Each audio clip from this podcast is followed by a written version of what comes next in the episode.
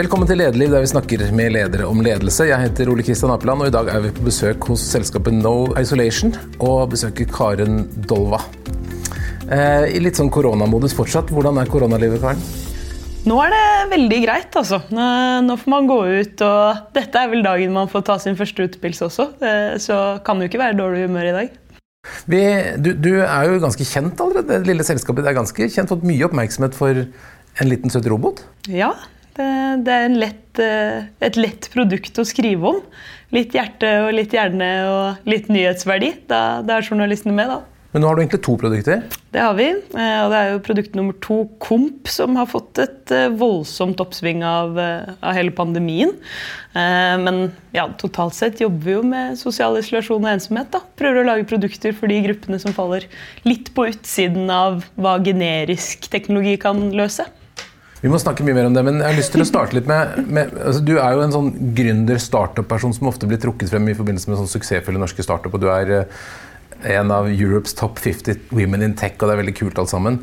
Og så Før det så jobbet du på, var på Startup Lab og startet UX-lab på startup osv. Altså, dette startup-miljøet det er, er, blitt veldig idealisert. Det er liksom det som er det de unge skal gjøre for tiden? Ja, det, Sånn var det vel egentlig ikke da jeg begynte på studiene. Så det er en ganske kul utvikling de siste fem årene. Ehm, jeg begynte å jobbe i Startup Lab ved siden av informatikkstudiene. Det er jo fem meter mellom eh, instituttet og Startup Lab, så det var liksom rett over veien. Eh, og har vel aldri sett meg tilbake. Syns det var kjempekult. Eh, og da jobbet jeg jo ikke i egentlig en startup-startup, men i inkubatoren, hvor du skulle hjelpe startupene. Og det å se folk som på en måte brenner så inderlig for noe at de er villige til å ofre nesten alt annet, det, det, gjør noe med deg, altså. Men da har du sett veldig mye rart. Helt klart mye rart. hva, hva, er det som skiller liksom, de gode startupene fra de dårlige? Det er et Kjempevanskelig spørsmål. Eh, egentlig umulig å svare på. For jeg tror nok veldig ofte de kjennetegnene for, eh, for hva som er godt og dårlig, er feil for de som er ekte gode. Eh, så, så, du kan jo på en måte lage deg noen regler som sikkert gjelder, eh, gjelder de fleste, og så kommer det en eller annen kjemperaring som, som gjør feil på alle punkter og allikevel er, er fantastisk. Da. Mm. Men nei, det største, og det jeg lærte veldig tydelig av ja, det som på en måte da er min forrige leder. Eh, Alexander Voksen i Startplab, han var eh, veldig tydelig på et par ting. Altså det, var, det er altfor mye eventer, eh, altfor mange ting man kan være med på. Mm. Man må klare å ha fokus, og man må klare å skjønne hva det er man selv Altså Hvordan kommer man videre i den reisen man er på selv. Eh, og der tror jeg det er veldig mange gründere som blir fanget i at verden syns det de gjør er veldig spennende. Så du blir bedt veldig ofte om å prate om hva du driver med. Og det er eh, ja.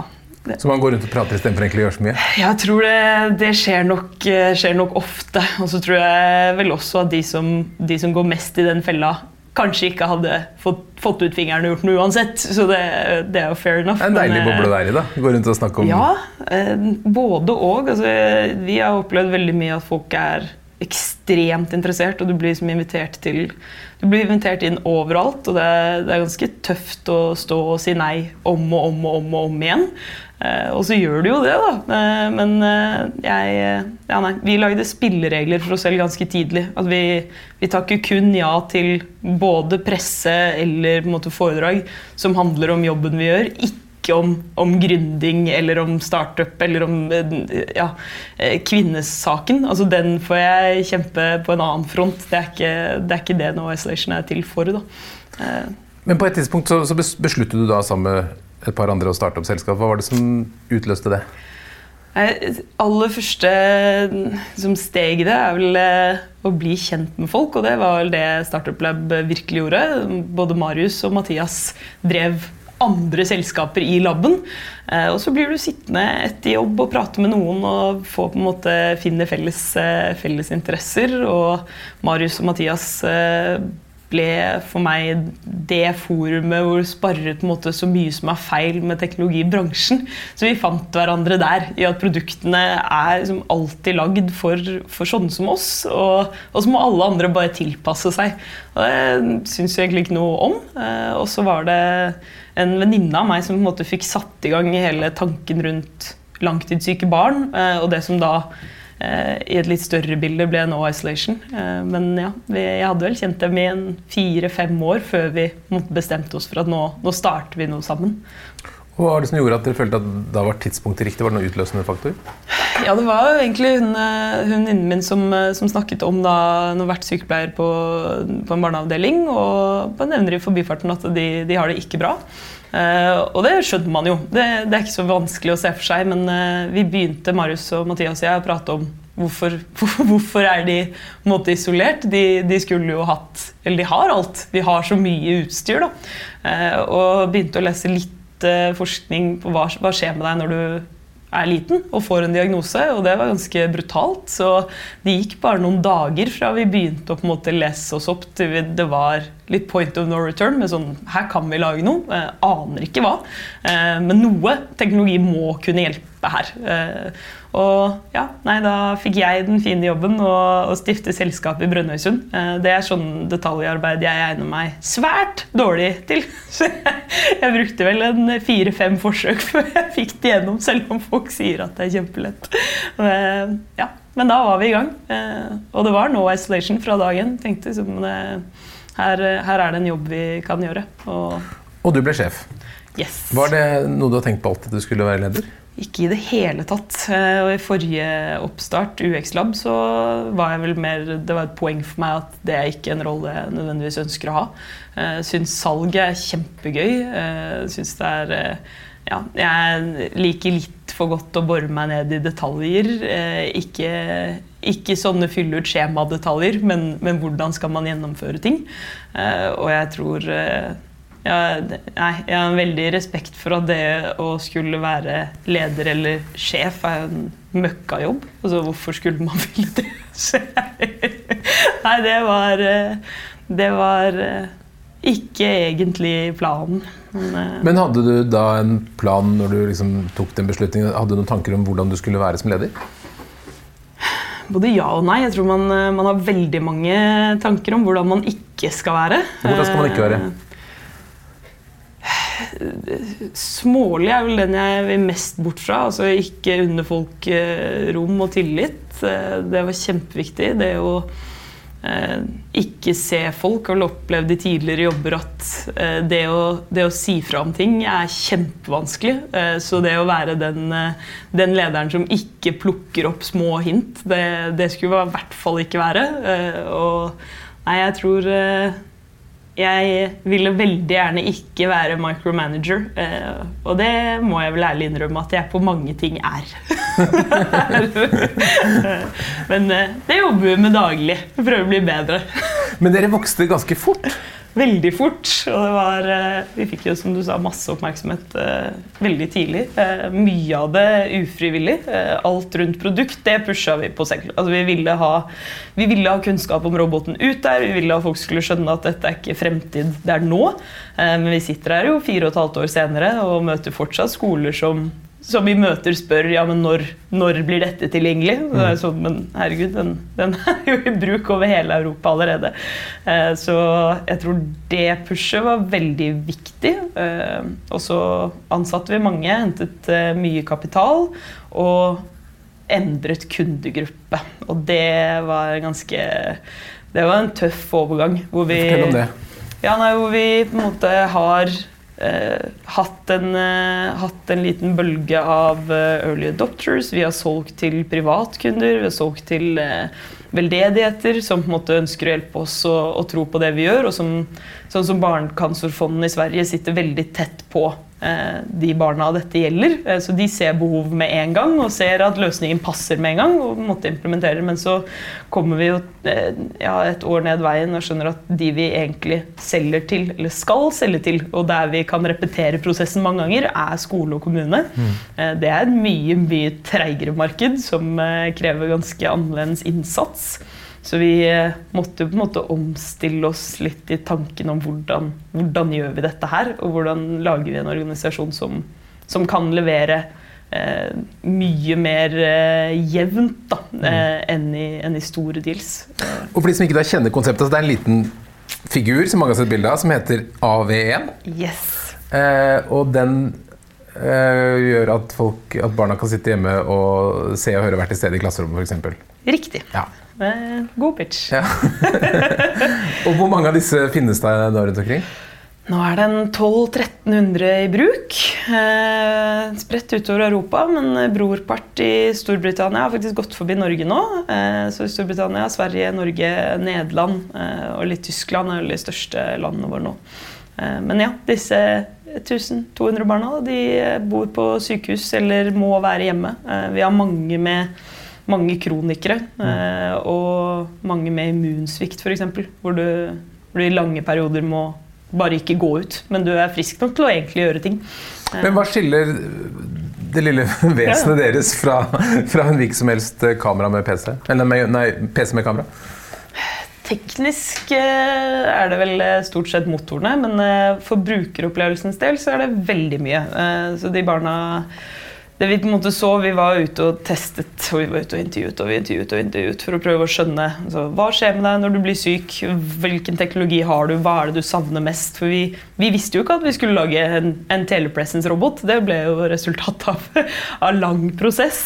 Eh, men, men, det de, som var helt tydelig for barna, var at de trengte en måte å, å komme seg ut av denne sykesengen sin.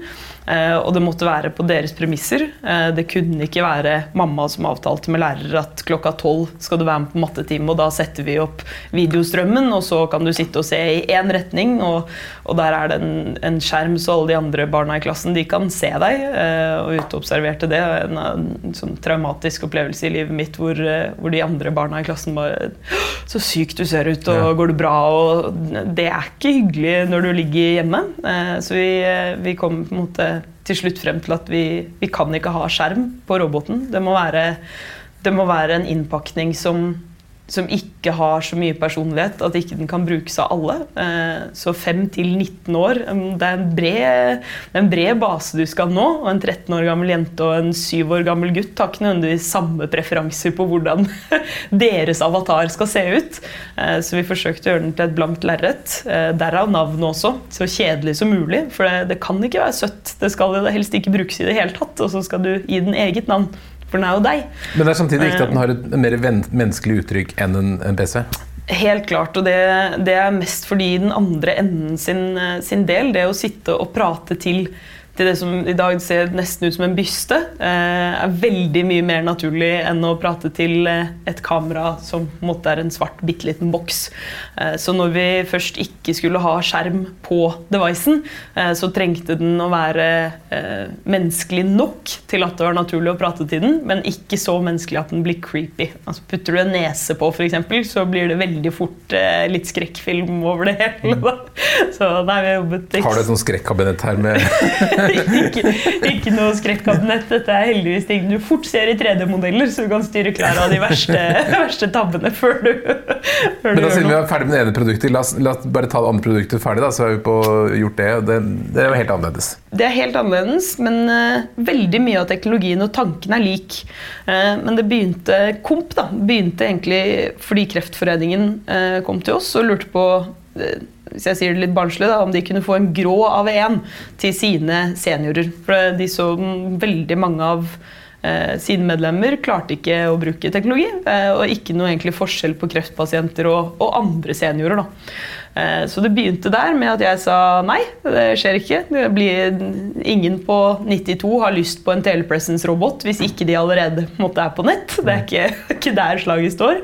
Eh, men så begynte vi å prøve å finne ut av kan man, hvordan kan man få eh, de analoge på nett. For de går glipp av en ganske stor verden som vi andre bruker veldig mye tid i. Eh, og hvis noen er interessert i å vite hva du hadde til middag, så er det bestemoren din. hvis du skal og Den ser ut som en sånn tegneserieaktig gammeldags TV? Ja, litt sånn radio-TV. Vi, vi ville ha størst mulig gjenkjennelighet. og det gjenkjenningspunkter er veldig forskjellige fra individ til individ. Eh, så hvis du på en eh, for, eh, for, folk som har jobbet med Windows, for eksempel, så vil du se et hus og tenke at det betyr startskjerm. Startskjerm og hus er ikke nødvendigvis synonyme for en på 92. Da. Og det, det ble veldig tydelig for oss at her trenger vi å bare bruke symboler og tegn som er gjenkjennelige for de som ikke ikke nødvendigvis har brukt teknologi før. Så her er det en stor, rund knott å vri på. Stor, rund knott. Den gjør av og på. eh, Og for superbrukerne våre kan du også bruke den da til å justere lyd. Men eh, det er slett ikke alle som gjør. Og hva får man på skjermen? Innhold fra alle rundt som bryr seg. Eh, Så, så min morfar for eksempel, hadde jo en komp sitt siste år, og da er mamma jeg og resten av familien koblet til den med en app. Og så deler vi bilder fra, fra vårt liv med han, eh, og kunne videoringe til han. Eh, Og når vi da videoringer, så slipper han å gjøre noe som helst. Han så et stort bilde av meg, nedtelling fra 10 til 0, og etter 10 sekunder så var videosamtalen på. Og han, han var veldig søt. Han skrudde alltid på kompen sin på ettermiddagen. Så fra klokka ett og ut, så var, som, da var den på, men på morgenen var det ikke mulig å ringe inn. Da, da hadde han skrudd av. Og hvor mange er det blitt av den? Nå er den eh, tre, snart 3500 ute, så 30 000 app-brukere. Eh, veldig spennende. Eh, ordentlig kult. 28 av app-brukerne våre er på hver dag. Eh, og det, det er heavy bruk av en app. Sånn, Så den er i ferd med å løpe fra AV1? Ja, vel så det. Godt forbi. Men eh, det visste vi jo hele tiden, at eh, Komp er et betydelig større marked. Vi har godt over 100 000 mennesker i Norge som ikke er på nett eh, og er seniorer. Men vi har vel en 6000-7000 alvorlig syke barn. Så, så forskjellen i markedsstørrelse er kjempestor. Helt klart. Det får være nok produkt denne gangen. Vi la oss snakke tilbake om deg og, deg og ledelse. Du, du ansatte en hel haug. Det ble masse masse mennesker. Masse mennesker. Eh, Sånn i ettertid, var, det en bra ting? Både ja og nei. Jeg tror eh, ikke det var utelukkende feil. Eh, vi fikk gjort veldig mye. Vi var jo på en måte på vei et sted og med en plan, og så viste det seg at den planen måtte endres. Og, sånn er det jo av og til. Jeg tror for, for læringens del utrolig nyttig, men vondt å måtte si opp folk. Det er det jo Ja, For du måtte alltid. kutte ganske betydelig. Vi har to runder kutt, så vi har gått fra På det meste var vi vel en 65 stykker. Mm, nå er vi 25. Så ja, vi, vi har hatt ganske store endringer. Hvordan har du opplevd det å måtte sende hjem folk? Ikke så grusomt som jeg kanskje skulle trodd. Eh, Jeg syns vi, eh, vi har klart å være veldig ordentlige gjennom prosessene. Eh, Så det er, det er klart det er vondt å, å si fra til folk man er glad i at dette funker ikke, men samtidig blitt møtt med veldig stor forståelse. Altså Alle har på en måte vært involvert hele veien og sett det komme. Så jeg syns bare det at det ikke var et så stort sjokk for folk, har nok hjulpet veldig. Mm, I, eh, I etterkant så er det jo masse småting jeg skulle ønske man hadde gjort annerledes, men i det store og det hele er det relativt greit. Altså. Det, det er litt sånn eh, livet er, og så er det jo på slutten av dagen bare en jobb, dette her òg. Så man gjør den så godt man kan, og så ja, man Hvilke egenskaper er det du har valgt å beholde? Altså, hva, hva, hva er de mest verdifulle menneskene som du har, som du har, har igjen? Da? Hva, hva er det du har sett etter der? Nei, det, det er også et nesten umulig, umulig ting å svare på. Det vi, det vi på en måte snevret ned til, var hva er, hva er kjerneaktivitetene våre her. Vi, vi trenger å fortsette å utvikle software. Eh, Vi trenger eh, å kontinuerlig forbedre produktene våre, og det gjør vi med software. Hardware-løsningene er, eh, er ferdige og fungerer godt. Eh, Og så trenger vi jo å jobbe med salg. Eh, Så mye av salgsstaffen eh, er på en måte verna. og vi, vi trenger å fortsette den gode jobben vi har gjort på kommunikasjon. Så, så det ble jo på en måte et, et kjerneteam som måtte plukke opp veldig mange av aktivitetene som det, det større teamet hadde gjort, men med et litt mer spisset fokus inn mot kommunesalg spesielt. da. Men nå har du da gått veldig fort likevel fra en liten kjerne til en større gruppe og noen ut og inn og sånn. Men hvordan klarer du å få alle om bord og mentalt skjønne øh, hvor dere skal og hvem dere er og sånt, når det kommer nye, mennesker til? Det er klart det er mye lettere i en liten gjeng å være helt enig. Konsensus i store grupper eh, fins jo ikke. Eh, men så tror jeg vi, eh, vi gjør flere sånn, konkrete ting. Vi har blant annet Nå i koronatider har vi faktisk check-in hver dag eh, klokka ti. Veldig kort, men med hele teamet. På bare er det noen viktige, viktige nyheter i dag. Eh, Men i vanlige tilstander ville vi hatt den hver mandag. eh, Og også på fredager hvor vi forteller hverandre alt vi på en måte har fått til denne uka. Eh, Så det er litt sånn frivillig å reise seg opp og fortelle. Jeg tror sånn med styrearbeid Jeg har blitt veldig mye bedre på å dele i forkant internt hva er det som kommer til å bli kommunisert i styret, og i etterkant av styremøtene hva er det måte som har blitt besluttet. Og det hjelper veldig. Altså jeg opplever at både jeg og alle andre her har respekt for at man ikke alltid får det akkurat sånn som man ser for seg. Eh, og for meg å få fortalt tydelig her ute at det blir ikke alltid sånn jeg vil heller. Så det, det er ikke sånn at vi, vi alltid kan eh, måtte forme dette, dette den retningen vi tror er best. Det må være felles, eh, felles beste mening som gjelder. Det, det syns jeg funker bra. Og så kan jeg sikkert bli enda bedre på det. Men du sa du hadde en plan. det har man jo alltid. Hvor, hvor, på, på, hvilke områder har, du, har, verden forandret seg mest i forhold til hvordan du trodde at ting skulle skje? Vi var nok eh, mye mer et eh, venture case i starten, mens nå er vi mye mer industri, eh, industrimalen eh, med stein på stein heller enn eksplosiv eh, vekst. Og vi, vi, har nok hele veien levd i en sånn mellomting. Eh, men hva kopiene våre er og hvor fokuset ligger, har nok skiftet ganske voldsomt. Eh, så jeg tror eh, Er det eierne som da har styrt det? At det for du har jo fått litt forskjellige eiere inn? Styre mye mer. Eh, så forrige styreleder er jo venturekapitalist eh, som flytta ut fra Norge for 30 år siden, så han er jo egentlig ikke norsk lenger. Eh, og veldig tydelig på hva slags type selskap man skulle bygge. mens Ole Morten Settevik, som er styreleder nå, kommer jo fra industri. Sant? Det, er, det er en annen holdning. Og så lærer jo jeg da, eh, om hvordan jeg syns at eh, det er best å drive dette her. Og det er klart eh, Det avgjør jo ganske mye. og nei, nå har vi hatt Gjennom 2019 ble, ble, det veldig tydelig for oss at målet må være cash-positiv og drive, kunne drive dette helt selv. Og så skal vi fortsette å hente vekstpenger for å kunne investere i liksom, økt fart. Men, men, vi må bygge den farten på noe veldig veldig stødig. Eh, og det syns jeg vi er eh, farlig nære å ha fått til. Eh, med et eh, halvår bak oss hvor, eh, hvor, det ikke er mange tusenlapper brent. Eh, og det er veldig gøy. Da, da kjenner man at ok, nå, snart klar for å, for å, løpe skikkelig. Og så kom pandemien, da. Og så ble det litt som et startskudd hvor du begynte å løpe skikkelig litt ufrivillig fort i noen uker, men fortsatt et kjempeprivilegium i en krise å, å, selge mer enn noen gang. Det, det, kan man jo ikke klage på. Men dere har søkt ut i verden og blant, startet da med Storbritannia og Nederland. Mm -hmm. Hvorfor det? Altså, når man ser vi skal erobre verden, hvor, hvor, begynner man når man skal erobre verden? Hvordan, tenk, hvordan tenkte du? Hvordan tenkte vi? Det var lange diskusjoner. Eh, Nederland ble egentlig, sammen med Storbritannia, et første skritt av mange grunner. Eh, håndterbar størrelse. Ønsket ikke å sette opp et første utenlandskontor i Sverige. Det er litt for nært, og vi klarte egentlig å selge herfra. Eh, det har vi jo fortsatt med, så det, det er jeg glad, glad, vi endte der. Eh, mens Nederland ble et, eh, ble et godt kompromiss for å på en måte prøve å ta hele Europa.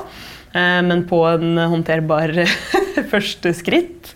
Vi, vi, hadde en del interesse fra Tyskland og har på en måte fortsatt å, å selge i Tyskland hele veien, men da via Nederland. Eh, og så hadde vi et kontor der i to år, men det valgte vi å legge ned etter to år fordi det krevde for mye energi fra oss. Vi, vi fikk det på en måte til å gå i null, men ikke til å sende penger hjem. Eh, og når de ikke klarte det, men vi fikk til det i UK, så ble det egentlig ganske enkel avgjørelse at dette, vi har ikke ressurser på mm. Oslo-kontoret til å følge opp eh, begge to eh, hvis ikke det drar inn ordentlig mye penger. Eh, og der ble Storbritannia hvordan ser du for deg løypa videre? Nei, nå er det egentlig å øke trykk der vi er. Eh, vi har eh, fortsatt masse jobb igjen å gjøre både i Norden og UK. Eh, og så tror jeg vi, vi, må klare Tyskland på en eller annen måte i nær fremtid. Så vi, vi jobber mye med å holde det markedet varmt da, og ta vare på de kundene vi har. Så nei, vi får se. Jeg, jeg tror førstepri er helt klart enda flere folk i UK og, og riktige ressurser inn i, inn i Norge òg. Men det er jo fare for at dere som et innovativt selskap finner på å skape et nytt marked, og så kommer det en eller annen gigant med svære penger og bare ruller inn og tar det. Hva, hva tenker dere skal være den helt unike kompetansen som gjør at dere ikke skal bli feid av banen av noe større etter hvert?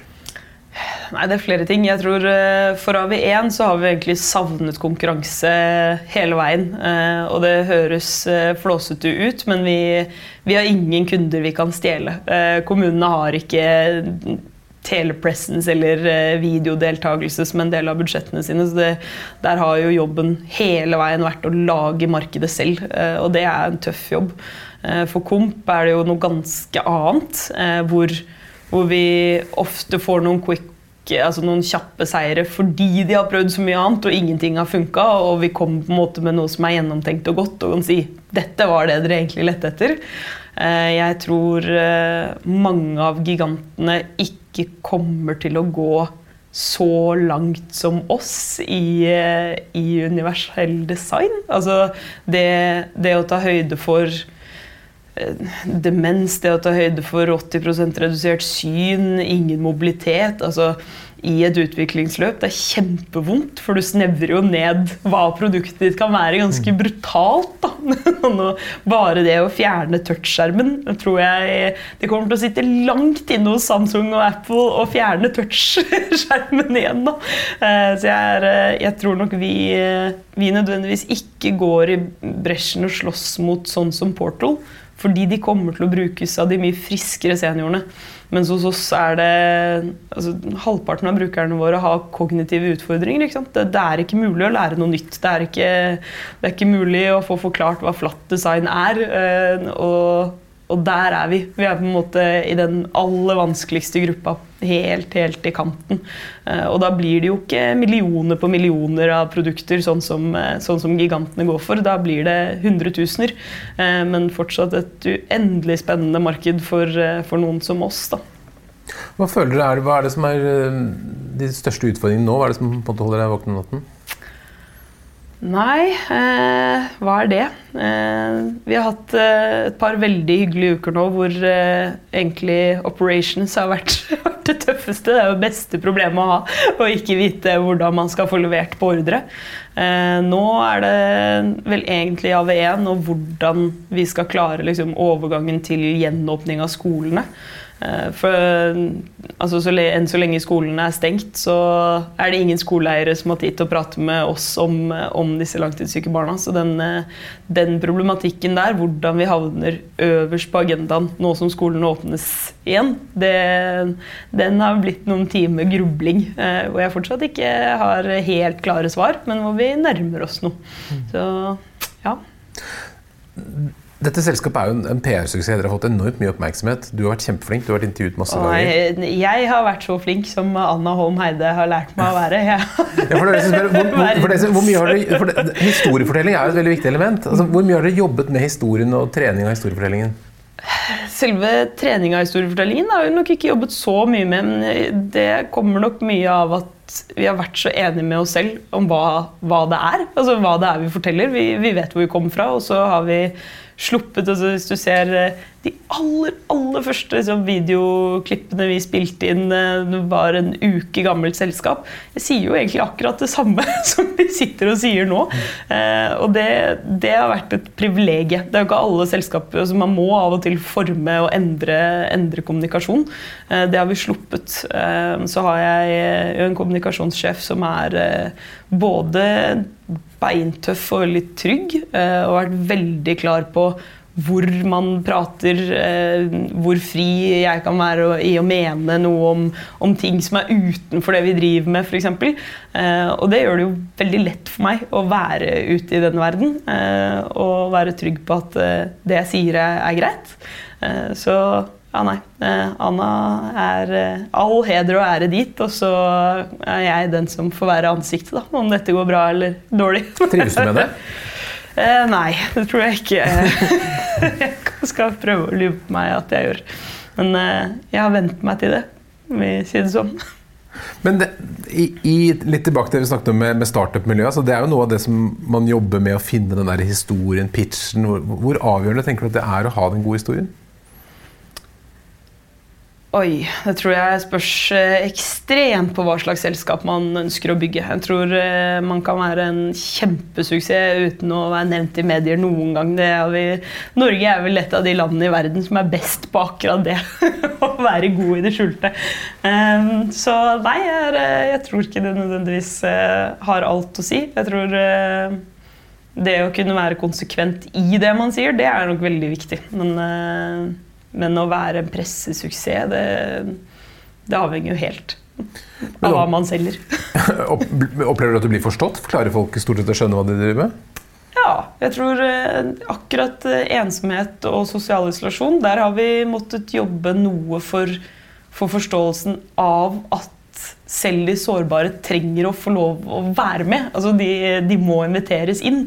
Eh, det er nok ikke alltid alle tar med en gang. Altså, er du tolv år og har kreft, så så er holdningen fra, fra skole og kommune at du skal fokusere på å bli frisk. og skal som, eh, Nå skal vi gi deg god tid og ingen fraværsgrenser på deg fordi du har gyldig fravær. Eh, men det er, det er et tveegget sverd, hvor, hvor, det å stilles krav til og det, å, det at de forventer at du, du, er med, det gjør jo at du kanskje klarer å henge med. Eh, så det er Ja, der har vi jobbet mye. Men at på en måte ensomhet er et problem for samfunnet, det føler jeg blir hørt. Eh, hvorvidt folk er villige til å jobbe for å løse det, er jo et helt annet problem. Eh, det er jo vår jobb å, å fikse. For det, Jeg har lest og hørt litt av det du har sagt. For at ensomhet er egentlig et mye større problem enn man tror, og at det også får veldig store helsekonsekvenser ekstremt store helsekonsekvenser og har blitt eh, sammenlignet høyt og lavt med det å røyke eller det å være overvektig. Eh, og det er jo mange grunner til at ensomhet er så farlig. Eh, den kanskje farligste tingen med det å, å være ensom over tid, er at om, om, du ikke på måte, passer på deg selv for noen andres del, så slutter du å passe på deg selv. Eh, så det, det, følger med en god del andre helseutfordringer inni der, da, og at ingen passer på deg. Eh, men det å, det å leve i en situasjon hvor hvor du ikke er sikker på om noen er der for deg hvis du trenger det, det er kjempetøft. Eh, og hjertet går litt fortere. Eh, og når hjertet vårt eh, går litt fortere i snitt over lang tid, da går det dårlig. Så nei, det er vel det er ganske bekreftet og etablert og ferdig snakka at det er litt i overkant av 30 økt risiko for, eh, for, hjerneslag og en 29 økt risiko for hjerte- og karsykdommer blant den gruppen som sier 'ja, jeg, jeg er ensom'. Eh, og det er tall man eh, burde ta på alvor, og som koster samfunnet ganske mye penger. Da. Absolutt. Hva syns du er mest gøy? Hva har du kost deg mest med på den reisen du har vært på så langt? Åh, masse. Produktutvikling. Eh, det å se at eh, de tingene vi lager, funker. Vi har vært, eh, vi har vært kjempeflinke faktisk, uten at verden nødvendigvis ser det. Men det jeg tror vi kanskje har vært best på, er å involvere ekstern, eksterne forskningsmiljøer. Så vi har jo hatt folk som har fulgt med på oss hele veien og virkelig sett oss i kortene. Og jeg har vært veldig tydelig på at altså, hva enn dere avdekker, ikke føl at dere på en måte ikke stå fritt til å, til å, si fra, eh, for vi vil vite det. Eh, om det er uforutsette ting som skjer når produktene våre tas i bruk, om det på en måte ikke funker så bra som vi håper, vi, vi vil vite det. Da. Eh, og det er, det er, ganske magisk når du får tilbake på en måte dokumentasjon på at her er det barn som bokstavelig talt er lykkeligere fordi du har lagd noe til dem, det, det er tøft. Det, ja, nei, det, der ligger største gleden også, det å ha et, ha et, team og se at det går an å bygge et, et, arbeidsmiljø hvor man gleder seg til å gå på jobb, og man får høre det i medarbeidersamtaler at det er gøy å være her. Det er, også, det er ganske magisk. Det er et privilegium. Hvis det kommer en ung person til deg og skal bli sånn som deg skal bli, skal bli, kommer en ung person og sier jeg vil gjerne bli en god leder, jeg vil bli sånn som deg, Karen. Hva er de tre viktigste lederrådene vi gir? Oi, følger jeg på intervju. Eh, jeg tror eh, det å være raus eh, og tørre å stole på folk er kanskje, kanskje, det aller viktigste, og noe av det som er tøft. Jeg tror tror det er veldig mange andre gode egenskaper som kommer ut av det å tvinge seg selv til å være rausere enn man kanskje har i mage, ligger i magefølelsen. Ehm, jeg, jeg, skulle veldig gjerne ha fortalt meg selv eh, ofte tidligere at, eh, at det å være tydelig og, og, tørre å mene noe eh, og si hva man mener, det det er viktig. Jeg har blitt bedre på det nå, men har fortsatt langt igjen å gå. Hva mer? Nei, jeg, jeg tror den, den, roen også. Det er, en, det er, en, jobb, og man gjør så godt man kan. Det å vite det inni seg, at det er greit. Det, det blir ikke bedre enn, enn det. det. det. er viktig.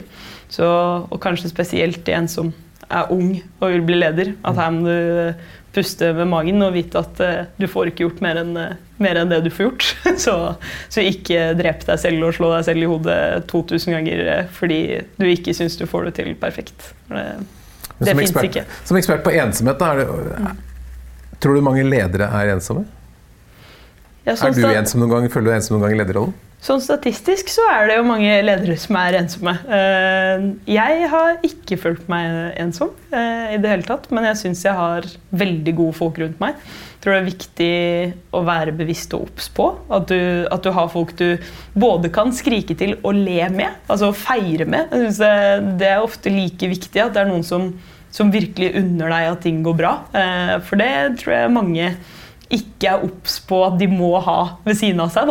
Eh, og det handler jo ikke bare om de gode, gode diskusjonene, det handler jo ofte om, om, å kunne klappe seg selv og en ved siden av på skulderen og si shit, det her, det her gjorde vi bra, da.